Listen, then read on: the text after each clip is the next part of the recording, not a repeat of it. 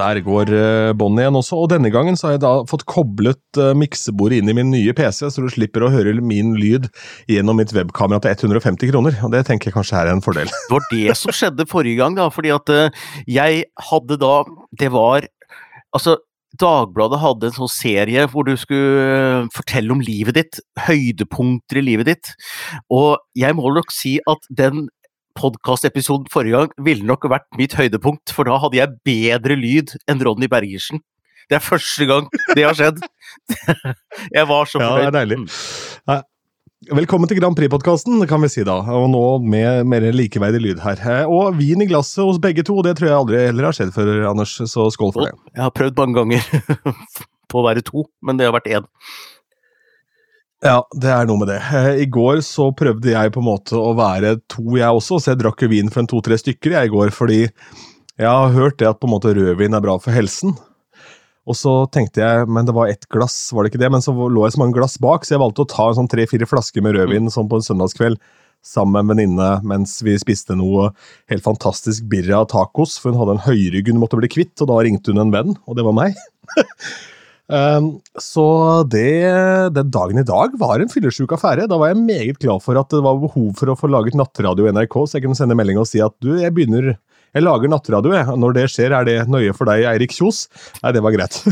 Å, så gratulerer med det. Det er to ting jeg lurer på der, Ronny. Gratulerer med dagen i dag, gratulerer med dagen i går og sånt noe. Men jeg veit at det har vært tilbud på høyrygg på Meny, eh, men, men liksom hvordan har man på en måte overskudd av høyrygg. Altså, er det, sånn, er det en vanlig greie på Lillestrøm at liksom, du skjønner, nå har jeg en høyrygg liggende her, kan du komme over? Nei, altså det er, det er da Skulle ønske det var en artigere historie som var bakgrunnen for at overskuddet av Høyrygg dukka opp, men samboeren til min venninne Mia, en veldig god venninne, han uh, måtte over til USA pga. dødsfall i familien. Rett og slett, Han er halvt amerikaner. Uh, og så kombinerer han det da med å være der borte og besøke familie, så det er på en måte Eh, trist at det er dødsfall i familie, men han får også da brukt litt tid med familie i USA for første gang på en evighet. Og da var det for mye høyrygg igjen til Mia alene og hennes nye eh, labrador, eller hva det heter, golden retriever-valp, eh, Theo. Ah, ja. Så da var alternativet å stappe det i nebbet mitt, da, og det var hyggelig. Det skjønner jeg. Og så er det er fortsatt en del spørsmål, og jeg skal la de spørsmålene ligge, merker jeg. Det er hyggelig. Men det, men, men det komiske er at jeg Det er ikke tull engang. Jeg har også 1,3 kilo høy rygg over kjøleskapet. Det er ikke tull engang. Det er faktisk helt sant. Okay. helt sant. Så det vi drev og snakket om Vi vet ikke hva vi skal En helt legendarisk ja. Ja, En helt legendarisk radioprogramleder som var på Kiss eh, FM i Los Angeles i mange mange, mange år. En fyr som heter Rick Dees. Og det var aldri snakk om hvor mange grader det var, hvor mange D's grease i sitt. altså Han var en helt legende.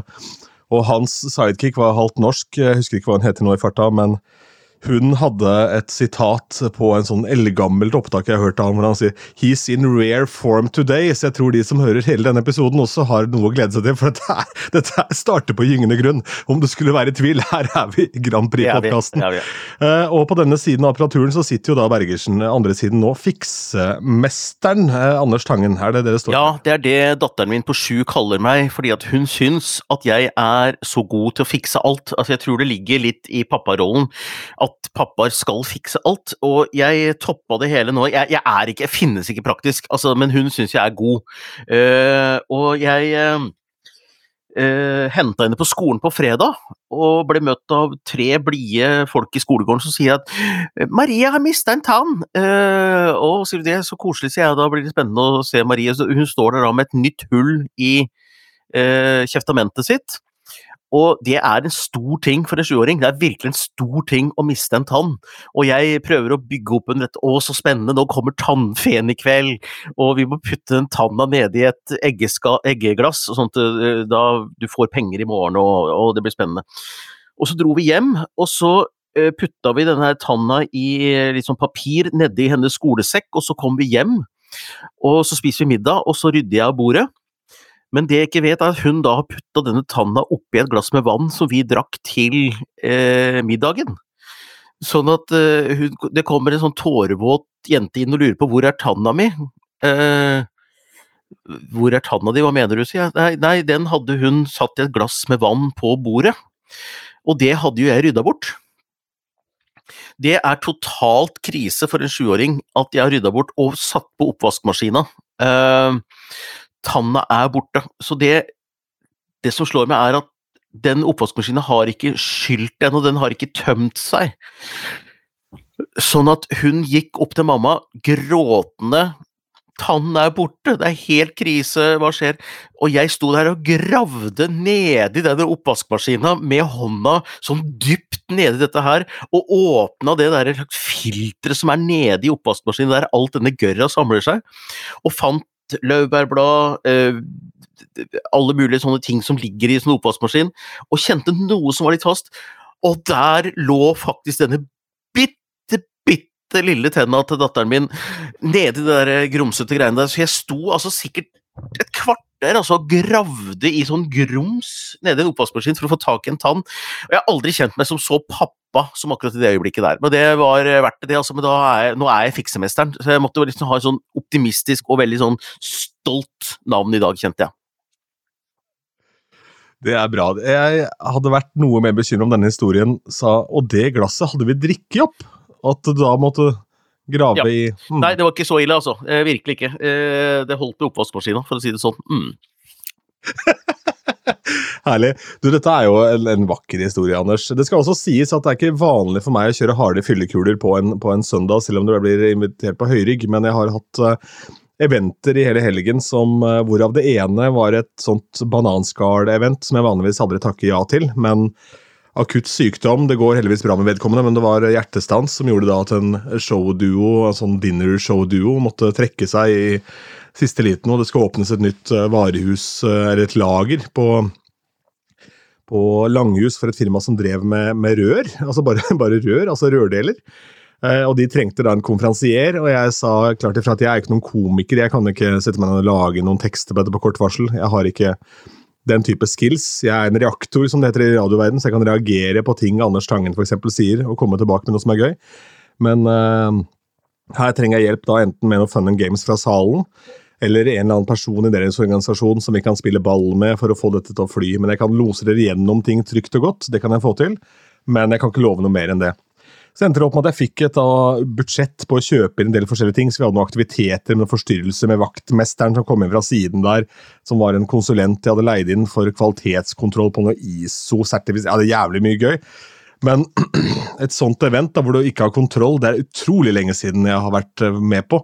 Så det var altså en sånn utladning at du landa på beina der og liksom kunne og så var jeg tidlig ferdig, så jeg gikk to timer på byen hjemme i Askim. Det har jeg ikke gjort siden kongen het Olav.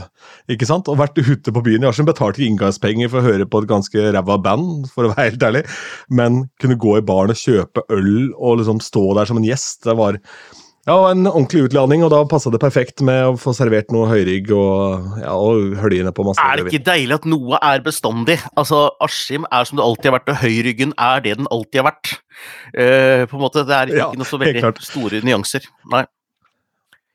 Men det er også da årsaken til at ikke jeg har fått med meg overhodet den triste nyheten om at Mattis Hetta har gått bort. Mattis Hetta har slått følge med vinden, eh, og dette så jeg på Facebook på kvelden før det var offentlig, eh, fordi faren til Fred Buljo er jeg venn med på Facebook.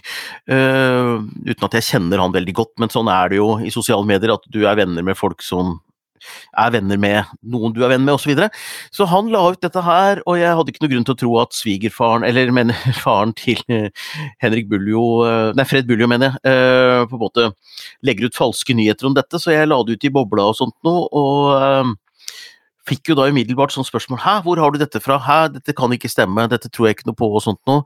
Eh, fordi det er nesten litt sånn uvirkelig at Mattis Hetta Eh, på en måte også nå skal være borte, for nå begynner, nå begynner det å bli frafallet å bli stort. Da, fordi at eh, For veldig mange så tror jeg det er virkelig det ikoniske Grand Prix-minnet som mange har det første første minne med, da, hvor uh, i 1980, ikke sant, hvor de lenka seg utenfor Stortinget og hadde teltleir og uh, Eh, og han kom ruslende inn på scenen der med Sami Adnan etter demonstrasjonen i Oslo mot utbyggingen av Altavassdraget. Og, og, og, det var så spektakulært alt sammen, og det var så rart. Og det var en låt som i hvert fall har tre melodier i seg, men som allikevel funker på et eller annet vis.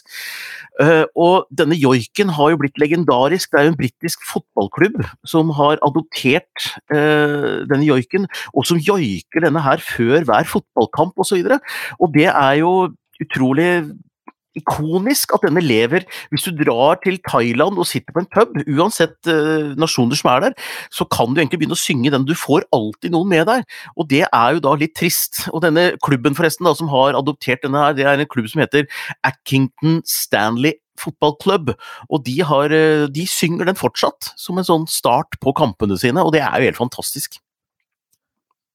Ja, du kan se det i skjønn eh, utfoldelse under her i en uh, YouTube-link. Ja, og det er veldig, det er veldig gøy. Uh, og, og, og, jeg tenker at han var jo ikke den første som hadde samisk i Norge i Eurovision. Det var jo Nora Brogstedt. Men forskjellen på de to bidragene er enormt store. Fordi at du hadde ikke kommet unna Eh, med en dame som er bosatt på Frogner, med litt sånn kort miniskjørt. og stå i en liten dal langt mot nord, sto en liten samepike. liksom, det er jo nesten blackface ikke, blackface, ikke sant? Så all ære til Nora Brokseth, hun levde i sin tid, men ja. det gjorde jaggu meg Mattis Hætta også. Og det er, kontrasten er ganske stor, altså. Uh, og så har du Keiino, ikke sant, og du har uh, jeg må, jeg, jeg må, også, jeg må, også, si da at Hvis det var noen i hele verden og hele den norske historien av musikk som kunne sluppet unna med det, så hadde det vært Nordland Bøkstedt uansett tid, føler jeg. Hva sa du nå? At, eh, ble borte på meg litt. Hva sa du? At ja, altså skulle, skulle, noen sluppet unna med det, eh, på en måte uansett tid, så hadde det vært Nora Brogstedt, for det maken til en legendarisk kul dame er jo ikke mulig. Nei, jeg er helt enig, og, og, og, og, jeg tror ikke Det var vel på den tida da verken samer eller andre folk hadde lært seg å bli krenka. Eh, sånn at det, det var ikke noe vi kunne så veldig godt. vi, vi, hadde ikke tatt det kurset. Nei. Sånn at det var liksom bare en koselig greie. og Eh, det kan man savne, eller det kan man ikke savne. Det blir en veldig mye større kulturdiskusjon. Men i hvert fall så er det ganske interessant hvordan dette har forandra seg, da. Og, og Grand Prix har jo, Norsk Grand Prix har jo hatt mange veldig gode samiske innslag. Jeg husker jo spesielt Anna Maria Andersen med Anda Gassi i 2008, som jo inntil kanskje for et par år siden gikk på radio. Nei, den spilles på NRK P1 en dag i dag. Og Det er jo fantastisk. Jeg vet ikke om det er den med rap-versjonen, men den finnes i en del utgaver også. Uh, men den er, uh, den er, sterk, og den kom i 2008. Og så vant jo da Hardingfela i 2009 med Alexander Rybak, så da var det en liksom nasjonal boom der. Og så den neste samiske da, det var jo uh, selvfølgelig Agnete i 2016. Med, det gikk noen år mellom der, med hennes Icebreaker og eh, så Keiino. Eh, og eh, så hadde du da i 2017 og 2018 var det vel Elin and the Woods som var, var med. Med Elin Koven, som er en sånn sterk soloartist, veldig sterk samisk identitet, som slo seg sammen med produsenten Hva het han, da? Det er faktisk ikke så farlig akkurat nå, men i hvert fall så lagde de en sånn tøff elektronikalåt mm, som, uh, ja, som låt bra. Lynch heter han. David Lynch. Mm. Ja, nettopp, ja. Mm. mm. Så vi har jo hatt Det var ikke David Lynch, Dave... det var det nok Nei. ikke. For det David Lynch er han som lagde, han, han som lagde Twin Peaks. ja, ja. Han har vært med MGP, han òg. Stig Karlsen greide det utroligste. du hørte det først her. Nei, men nå må jeg finne ut altså, Elin of the Woods. Jeg kjenner jo disse folka her. Elin of the Woods. Jeg, jeg kan ikke ha dette på meg. At det er David lurer. Nei, for faen. Jeg har jo drukket øl med dem. Robin, Robin Lynch. Lynch. Robin Lynch. Ja. Men, uh, ja. Oh, jeg, jeg, sa det så jeg skulle introdusere i Nattradioen. Jeg laget en opptakssending der nå rett før jeg kom hit. og Jeg skulle introdusere Pet Shop Boys.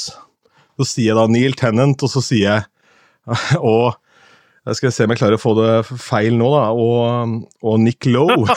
Men det var Chris Lowe. ja, det, det hadde vært gøy med Nick Lowe der, da. Ja det, hadde, ja, det hadde, vært noe annet. det hadde vært noe annet. Så jeg, jeg tok meg heldigvis med, Ja, det jeg, hadde jeg veldig lyst til også. Det bare passa ikke med datoen han var her nå sist. For uh, det var vel kanskje Hans 'Sensible Man' er en sånn radiolåt. Den skal også legge link til under her som du hører på radio, så tenker du 'fy faen, for en god låt'. Jeg skulle ønske at den ble spilt på radio hele tiden, og så viser det seg at den er noe, knapt en singel. Men uh, veldig Nei, bra. Eh, Nick Love er jo Vi er jo litt glad, har jeg skjønt, både du og jeg, i disse elegantierne. Eh, Brian Ferry, og han går litt inn i den derre ikke, ikke musikkstilen nødvendigvis, men den er liksom den eh, kule, gamle mannen, er vel lov å si. Eh, så Ja. det, er, eh, det er kult. Absolutt. Men det, Sier han der han sitter nå, da, altså med en cardiganjakke som kan dras opp her, og så har han også skjerf i halsen i dag. han den kule, gamle mannen. Ja, takk skal du ha. Jeg prøver å ligne på Jeg prøver å være disse gamle mennene. eh, så godt jeg kan. det var forresten eh, Det lå jo an til å bli en spennende duell, vet du, i eh, 2019 med Jon Henrik Fjellgren, som jo er svenskenes sånn eh, samiske alibi i Melodifestivalen. Han har vært med tre-fire ganger, vel. Og i 2019 så var han med med en låt som het Nårsken. Og eh, den eh, Det var jo da snakk om at kanskje Kanskje, kanskje, kanskje blir det da en sånn duell mellom Keiino og Jon Henrik Fjellgren med joik i eh, Eurovision. Det hadde gjort veldig gøy. Jeg, eh, jeg tror kanskje Keiino hadde tatt det hjem, for Nårsken er ikke hans beste låt. Eh, Den aller beste låta han har hatt i, i Melodifestivalen, syns jeg, det var hans, eh, hans første bidrag i, eh, i Melodifestivalen. Men han eh, og, og det er jo Han er så utrolig svensk, på en måte, fordi at Sverige er jo multikultur. Og han er jo født i Colombia, men er liksom den samiske artisten og har en sånn samisk identitet. Og det er faktisk veldig, veldig fascinerende, syns jeg, med han. Men hva med han Pontare? Roger Pontare er vel også Ja, men jeg, jeg, der, vet du hva, nå, nå tar du meg litt på senga her, fordi jeg er ikke så sikker på om han har samisk bakgrunn, eller om han leker indianer. Det er jeg faktisk litt usikker på. Jo, jo, står her. uh, Of Sami descent står det nå på, Sier du det? på uh, Wikipedia, i hvert fall. Ja vel. Ja, men da skal jeg bøye meg for det. Ja, men Så bra, da har de jo flere. Eh, jeg trodde han var en sånn indianer-wannabe, men da skal ikke jeg påstå noe her. Altså, han er jo i aller høyeste grad også det, eh, så det er klart at det er jo en kombo av litt forskjellig når det kommer til Roger Pontare, for det der var jo en, en kruttønne av en fyr, det må være lov å si. Der var det mye spennende. Og mitt forhold til Roger Pontare, da, for å ta det, Det er spent på. det er eh, et, en av mine første jobber var jo da som seg hør og bør i en platebutikk, eh, og der var det altså ett album som vi solgte noe helt absurd mye av, sånn ut ifra forutsetningene. Det var Roger Pontare, og så var det et album til som også solgte altfor mye ut ifra forutsetningene, og det var The Platinum Album med Venga Boys, for det gikk tungt på TV-annonsering. Så jeg husker en julehandel hvor det gikk Roger Pontare og Venga Boys. Fantastisk! Ja, nei, det, tida går. Uh, nå er det jo uh, også P3-gullavstemning, og jeg uh, syns det var veldig lett å, å, å stemme fram uh, en artist jeg gjerne skulle sett i Melodi Grand Prix av de som er med nå, og det er Synne Vo. Uh, det overraska meg litt at hun var plutselig en av de som kunne stemmes fram som folkets uh, låt, eller hva det heter, jeg husker ikke tittelen på prisen der, men en av de man kan stemme på, da. Og, og, og maken til sånn derre Eurovision, eh, skal vi si, eh, kompetent pop uh, på sunnmørsk. Jeg syns det er så deilig. Eh, det går jo Tix en høy gang. Det går jo 15 Tix på én Synne Vo. Det er jo helt fantastisk, syns jeg. Ja, og det som er ekstra gøy, er at én ting er å ha én låt, men hun har to-tre nå. ikke sant, Som på en måte er sånne, sånne som setter seg i øregangen og bare kjører huet ditt, liksom. Og jeg har også lyst til å trekke fram, jeg vet ikke om hun er der, men hun Emma Steinbakke nå føler jeg også begynner å ha noe virkelig for seg. For hun ble kjent gjennom den Hellbillies-coveren i Rådebank, men som begynner å lage noe vanvittig god popmusikk eh, på egen hånd. Ja da, og det er eh, disse her jentene i Norge eh, som stiller opp usminka og står der med Converse-sko og jeans og synger, eh, og bare knuser eh, alle slags rekorder, er veldig gøy. Altså, Sigrid satte jo denne standarden her, og hun gikk jo i klassa med Amada Tenfjord, som var med i Eurovision i fjor. Så jeg håper jo at eh, Amada Tenfjord har hatt en sånn For hun mener jeg helt ærlig, ut fra den nordiske verdenen, at hun var en av de første som brøyt brøyta seg vei inn i Eurovision fra denne her eh, La meg si usminka popverdenen, da, som er, eh, uten å si noe gærent om de andre, men som er stikk motsatt av Sofie Elise og den gjengen der, så kommer da Det er liksom Det er to gjenger, ikke sant? Og, og denne her eh, Mm. norske popjentene, de, de Ja, de, de, de, de kommer jo rett ifra Skal vi si trening, eller bussen, og så står de på scenen, og det kan man like eller mislike, men i hvert fall gjør de det, og det er, det er noe særnorsk over det, som er veldig gøy. Ja, det er, eh, det er, jo det, men samtidig så er det jo ikke så veldig mange andre land det kunne fungert i, fordi vi har jo noen av de vakreste jentene i verden sånn Altså det, er, det er jo det er en grunn til at nordiske jenter blir trukket fram og har vunnet masse ting og tang og missefjas og rør og, ikke sant. Så det er jo det har ikke vært like lett for alle altså, uten, nei, altså, har ikke vært like lett for alle britiske kvinnfolk da, å gjøre det samme. Nei, nå, jeg, nå, nå, tenkte jeg nå skal jeg bare bøye meg godt bakover, ta meg et glass vin og bare høre på der grave deg lenger og lenger ned i dette her. Nei, nei, men, ja, nei, men nei, det verste er at du har jo rett, fordi de har en sånn naturlig naturlighet som jeg tenker er litt etterspurt, da. Uavhengig av hvordan, de, hvordan utseendet er og bla, bla, bla. Men, men, men, de har en sånn naturlighet som jeg tenker at de promoterer og slår gjennom med, og det tror jeg kan ha en betydning for uh, jenter rundt omkring i verden også, selv om de uh, men, det er klart Ja, nei, det er Ja, ok, da, så kan det være noen land som har bedre forutsetninger enn andre, da. Men ok, så får vi bruke vi, Naturressurser er jo det Norge er god på. ja! Jævla bra. Men dette starta av en eller annen merkelig grunn. denne samt Starta med Mattis Hetta. Det gjorde det. Og Mattis Hetta, jeg, ja. jeg må bare si at han eh, det, det visste ikke alle, men han han var vel han joikeren som kom inn i manges bevissthet, kom inn på scenen og plutselig avbrøyt en låt som var en helt annen låt, og så plutselig så ble det en joik. Uh, men uh, han var jo en av de mest aktivistiske demonstrantene mot utbyggingen av Stilla og Altavassdraget. Han lenka seg fast, og han satt i teltet og sultestreika utenfor Stortinget omtrent på den tida da den norske finalen var.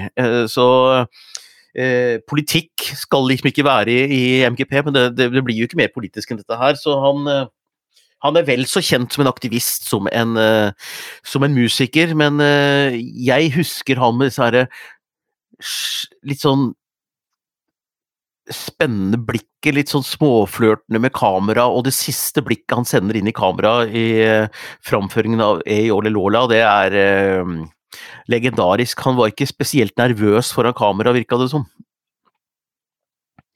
Det er jo et eller annet med en sånn iboende selvtillit til det du tar på deg den kofta, og du på en måte går inn i den rollen, og så vet du at jeg er det eneste mennesket i hele jævla salen, i hele dette universet, som kan det ja. jeg kan. Og, eh, og, da har du jo vunnet, da. Da er du en chili blant svisker uansett hvordan du vrir og vender på det. Jeg har delt scene med Mattis Hetta. Oi! Hvorfor det? Og hvor? Ja, det er jo et jævlig godt spørsmål. Nei da, hvorfor det? Var uh, fordi jeg var uh, oppvarmings-DJ under We Love the 80s i Oslo Spektrum for mange år siden. Og da var han en av attraksjonene, uh, sammen med Bobby Socks, som var headliner sammen med Village People. Village People, Bobby Socks, som var headlinere, vel, og, og, Thomas Anders fra Modern Talking i Spektrum. Når var dette her, da? Og så var det også Oi, oi, oi, skal vi se. We Love the 80s, uh, Oslo Spektrum. Dette var i eh, 2019. Ja, ikke sant, så det er ikke lenge siden heller, nei. Og det som var fascinerende der, var at uh, Jeg fløy jo da rundt her backstage, for jeg skulle også spille på afterparty på Plaza. Ja. Og da er det jo ikke så veldig vanskelig å se når Mattis Hetta kommer. Han kommer der i kofta si, men der står det altså en sånn gammel betutta kjerring på sida som ser ut som en gammel bestemor. Som jeg ikke skjønner hva gjør der. Og så ser jeg da at hun har hun har da trippel A-access, som er på en måte access all areas. Det er det høyeste du kan få inn tenker jeg, Hvorfor i helvete har den gamle Mangla Per Røya det? Ja, ja, ja, Men det, det, var Maggie Riley! Det var Maggie Riley! Og Maggie Riley som egentlig er opphavskvinnen til uh, Keinos Monument. Se der, du! For å være helt ærlig, for den er jo klin lik uh, Moonlight Shadow, uh, som hun hadde sammen med Hvem var det, da? Ja. Gitaristen. Det var Mike, Mike Oldfield. og er jo, Hun er overhodet ikke opphavskvinnen der. det er Mike Oldfield ja, ja, som har skrevet den låta. Hun var vokalisten på den. Ja, ja. Mm. Og det var uh, Nei, de låtene er ganske like, uh, uten at det er noe plagiat, altså. Men, men, men, du hører noen av tonefrasene der. Nei, men så gøy, da! Der uh, fikk du en skikkelig 80-talls Jeg har sett Maggie Riley på Gjøvikmarken en gang. Det var fint, det. med Moonlight Shadow og de tingene der. Nei, Hun sang, sang bra, henne, altså, men hun, hun, så liksom litt ut som en betutta bestemor ikke sant? der hun sto. For det var ikke noe apparat rundt henne. Det var ingen som var med henne. Hun kom jo bare flydde over fra England. Sang sikkert da Hun gjorde vel da ikke sant? Every Time We Touch, og så gjorde hun da Moonlight Shadow og kanskje Tears In The Rain. da, ikke sant? Gjorde tre låter, og så fikk hun sikkert 40 000 kroner for det og dro tilbake igjen til England. Men det som er deilig, hvis du først får to eller kanskje til og med én sånn hit, så kan du egentlig velge. Det er et valg du må gjøre, da. Og Det har med din verdighet å gjøre, det har med din eh, økonomiske situasjon å gjøre, og det har med din stolthet å gjøre. Men du kan velge da å sy ut dressen for hvert år og synge denne sangen eh, på ulike eventer livet ut. Det kan du. Eh, det tror jeg du kan. Hvis du har vært med i Eurovision én gang, og fått en slags kultstatus, så kan du leve på det hvis du syr ut dressen mange nok ganger. Percy Sledge, eh, som har én stor hit, 'When a Man Loves a Woman'. Intervjuet jeg ved en anledning, så spurte jeg han, så sa jeg skulle du ønske at du hadde flere hits enn denne ene. Så han denne ene låta som jeg har gjort, den har brakt meg og min kone verden rundt på andres regning. Han har besøkt alle verdens hjørner, og han sa at det han gjør da han gjør konserter, hvis han skal til et nytt land, et sted han har lyst til å besøke, og noen ønsker at han skal spille, så har han da noen agenter som jobber for seg for å prøve å booke han inn mot eventer. Eh, og så setter de opp en gig, og så er da altså den gigen så billig eh, at uh, du tenker jeg kan ikke unngå å ikke promotere at sangeren av When a Man Loves a Woman kommer for å spille på eventet mitt, men da blir det som en ferie, så han har en uke der sammen med sin kone, betalt med andres penger. Og det får jo de barta selvfølgelig bytta med hoteller og styre i årene, for det er alltid et hotellrom ledig, det er alltid en flyreise som er mulig å få booka. Og dette har jeg opplevd også i levende livet med en med vel kanskje den mest legendariske typen som Hvis du ser bort fra at jeg har booka 10CC med Graham Goldman, som har skrevet da, liksom et sted mellom 10 og 12 nummer 1-hits i, i, UK og sånn, så er vel dette her eh, kanskje da den mest legendariske fyren som jeg har hatt å gjøre med. Og det var en fyr som het um, en fyr som heter Blondie okay. Chaplin, som var, og sang med, eh, med et uh, Rolling Stones tribute bat fra, fra Hønefoss. uh, som da det, Jeg tror jeg betalte 25 000 kroner for å få Blondie Chaplin til å være med det okay. bandet. og da betalte han flyreisen over fra USA selv. Vi måtte dekke et hotellrom da, for han og hans kone. oppholdet i Askim. Ja. Det var ikke sånn spesielt spennende for han å være i Askim, selvfølgelig, men Blondie Chaplin er jo da altså en fyr som har spilt på Copacabana Beach sammen med Rolling Stones foran et par millioner mennesker. For han, beste, han er en av bestekompisene til Keith Richards. Uh, og i tillegg så er han mannen som Hvis du ser bort fra Kokomo, som er den minst Beach Boys-ete Beach Boys-låta du kan tenke deg, så er han også mannen som sørget for at Beach Boys fikk et nytt liv. Da på en måte alt gikk til helvete i det bandet mellom brødrene. Så var han drivkraften i plata Holland, som da skapte det som vel er eh, kanskje den siste ordentlig verdige Beach Boys-hiten da, eh, blant blodfansen, 'Sail On Sailor'. Ja, ja. Eh, her kommer det linker under. Ja. Men han fyren, da, jeg møter han i Askim folkepark. for det, Dette var det aller første året vi gjorde Kraftfestivalen i Askim. og da hadde vi vi hadde penger til Bjørn Eidsvåg, som gjorde åpningskonserten. Eh, der var det ikke kapasitet til mer enn noen hundre mennesker, så alle pengene gikk til Bjørn Eidsvåg, men det var en helt magisk opplevelse å få booket av selve kongen. Via Twitter, mind you. uh, og så hadde vi penger til én headliner, det var Kurt Nilsen, som vi hadde på fredagen. Da tjente vi 400 000 kroner. Uh, og så tapte vi da 392 000 kroner på lørdagen, for da hadde vi ikke råd til headliner. Så hadde vi en lokal bluesartist som ikke hadde spilt spesielt mye hjemme. Og så hadde vi dette Stones-bandet da med Blondie Chaplin. Men da han kom ned i Folkeparken og fortalte da med en passion og en glød Dette er en fyr som har sett mm. alle verdenshjørner. Han har turnert verden rundt med noen av de største banda i historien og fortalte hvor utrolig flott det var å sitte i Askim folkepark sammen med kona og og kunne ta en pils. liksom. Det var uh, helt ja, absurd. Helt men du, der er du inne på uh, noe som jeg tror er litt viktig, fordi at det er uh, Forrige uke så mintes vi Nicole som døde i Nicole og Hugo. Denne duoen som var ja. med i 1974, og de har jo turnert helt fram til nesten de døde, altså med denne låta, da, med den drakta si. Og de har liksom omfavna det. Det er dette de er kjent for. Og de har vært med på ulike sånne reality-shows i, eh, i Belgia og, og holdt på, men det er liksom denne låta som er fundamentet. Og det er et valg de tar, tenker jeg, å ikke ta avstand fra det de har gjort, men bare stå i det. Og står du i det lenge nok, så, så blir du Får du kultstatus, da. Og, da. og de har nok også reist ganske mye rundt, altså, så jeg tror at jeg kunne funnet på eh, Jeg visste ikke at de var bookbare, men eh, til min 60-årsdag det hadde vært veldig gøy å fått Nicole og Hugo opp til Stovner. og jeg tror de hadde syntes det var kult også. og, Selvfølgelig, fordi win, win, det du win, får Altså, Win-win, og så er det et eller annet med det at hvis du booker de fordi det er artig og det, du skal drite det ut, så blir det noe helt annet. Da er det noe som skjer en gang. Men hvis du booker de og appåtil er litt ja. interessert i det de holder på med og syns låta er kul, noe som du da syns, det, så er det noe helt ja, og, annet. Og kanskje de har et avslappa um, forhold til begge deler, tenker jeg. fordi at det er noe med, som du sier, eh, hvem ler best? Altså, alternativet deres, uten at det er noe gærent i å sitte i kassa på Rema, men det er jo alternativet. Å gjøre noe annet du ikke trives med. Men hvorfor ikke reise landet rundt og synge den låta du gjorde i Eurovision eh, med relativt stor suksess, ikke sant? og bare leve på det. Eh, mange kritiserer det, altså, det må jo finne på noe nytt, og Lillebjørn Nilsen sa en gang 'hvor mange sanger må jeg skrive av'? kan jeg få lov til å synge 'Tanta Beate til jeg dør', liksom? Det er, mm. det er noe fint over det. Hvor mange sanger Lillebjørn må skrive, bakgrunnen for det var jo at han har blitt pusha en del av, av uh, vår venn Halvdan Sivertsen. For han syntes det var så trist at han ga seg med å skrive låter, for det er så få som skriver på norsk, som han sa. Men igjen, da. Altså, sa, hvis du er Lillebjørn og har krediten på de låtene han har, så fuck off! Ja, hvor må skrive? Eh, eller så må jeg bare si det er litt sånn småseriøst, og det er litt interessant også. Det er en koselig ende på det hele. Men vi har snakket mye om samisk i MGP nå, og jeg har ønsket meg Isak i MGP en stund.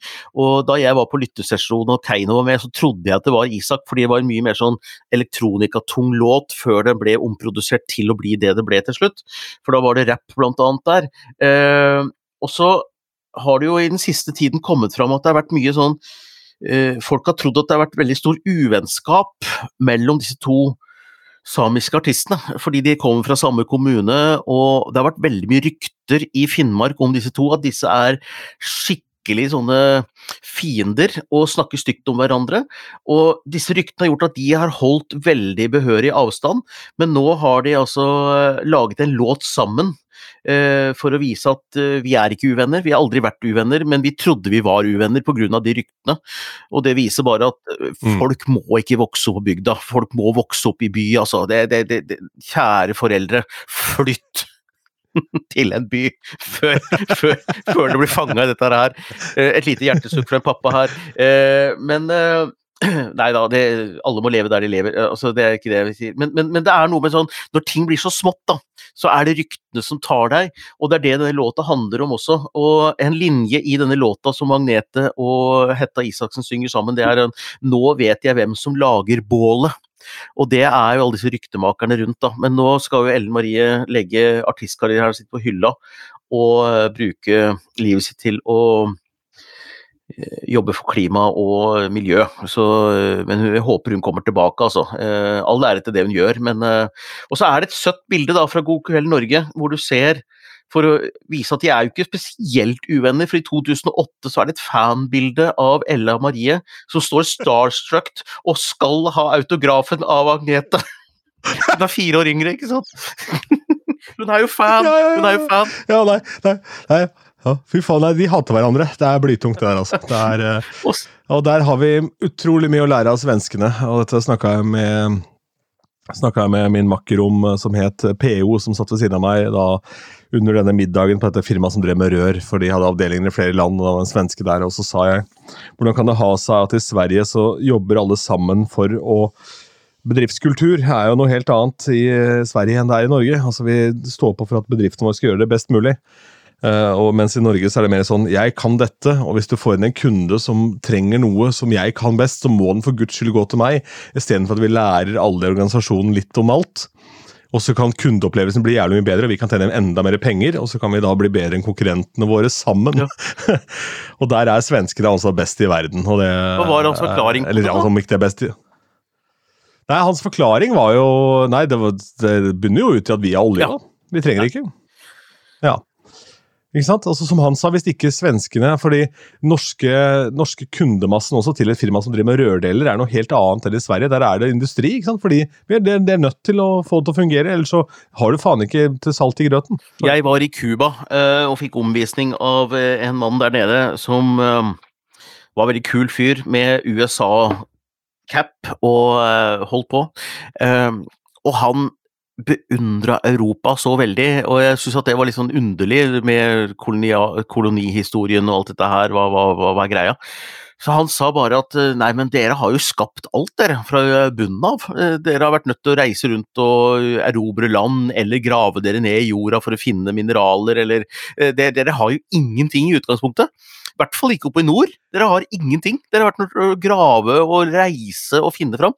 Jeg kan sitte her, jeg, ja, under den palma her, så kommer det ned en kokosnøtt, så kommer det fisk i sjøen, eller så kommer det et dyr gående rundt som vi kan skyte med pil og bue.